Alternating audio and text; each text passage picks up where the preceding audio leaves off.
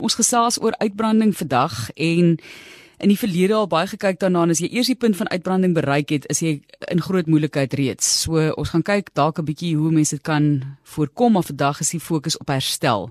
Professor Renata Skuman is die psigiater in privaat praktyk daar op Stellenbosch by die Universiteit van Bestuurskool betrokke. Sy is die hoof van MBA in gesondheidsorgleierskap by hulle.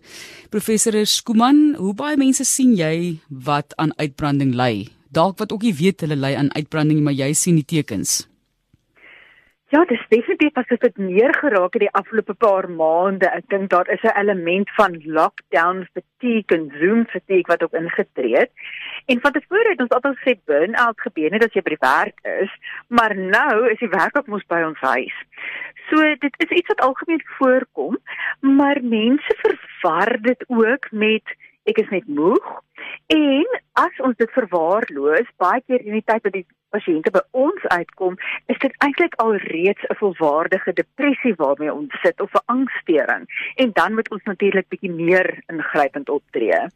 Goed, so iemand sê vir ons ek dink baie in depressie as ek dink aan hierdie tipe van ding. Ag, jy weet, jy moet maar net jy moet maar net weer bietjie regkom of jy het nou maar net een lekker goeie nagrus nodig. Um, gaan weg bietjie met vakansie en dan's alles oukei. Okay.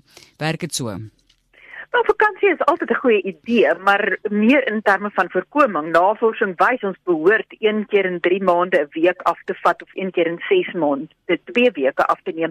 Maar Suid-Afrika is ons ons mos geneig om net hierdie vreeslike lang vakansie in Desember te skeduleer as ons dit doen. En nou met lockdown voel almal te skuldig of ons kan bloot dit nie bekostig om nou op vakansie te gaan nie.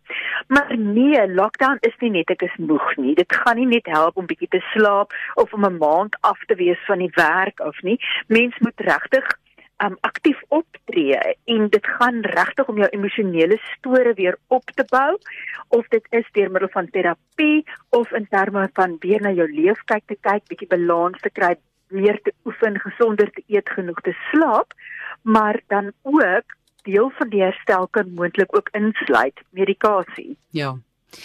Professor, ek wil net seker maak en is 'n belangrike punt wat jy ook wil hê ons vandag moet bespreek is wanneer weet jy dit is jy het nou vroeër verwys byvoorbeeld na 'n vlak van depressie maar wanneer weet jy dis uitbranding of of dan liewer angs of depressie? So hoe moet 'n mens daar onderskei?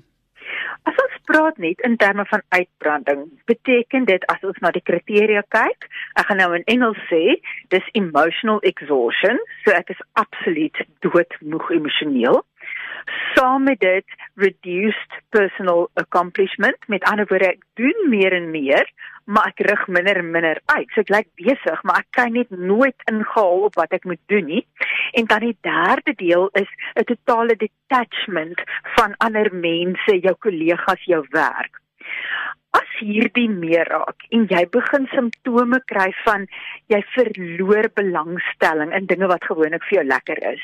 Jou sport, musiek, vriende of enigiets wat 'n stokperdjie is byvoorbeeld saam met 'n te neergedrukte of 'n geïrriteerde gemoed en dan ook ander simptome soos 'n verstoring in jou slaappatroon of jou eetpatroon dan moet ons regtig begin kyk na is dit moontlik depressie?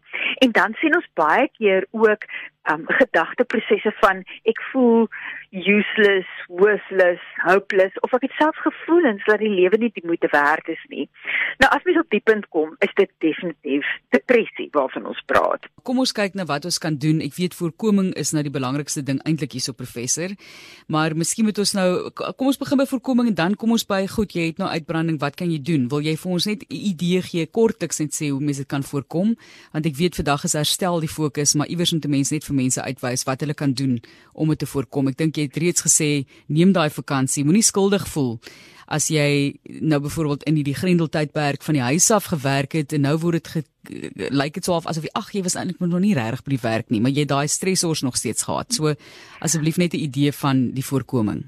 Ja, ek dink voorkoming gaan oor om te skeduleer wanneer werk ons en wanneer ons af wat insluit vakansies.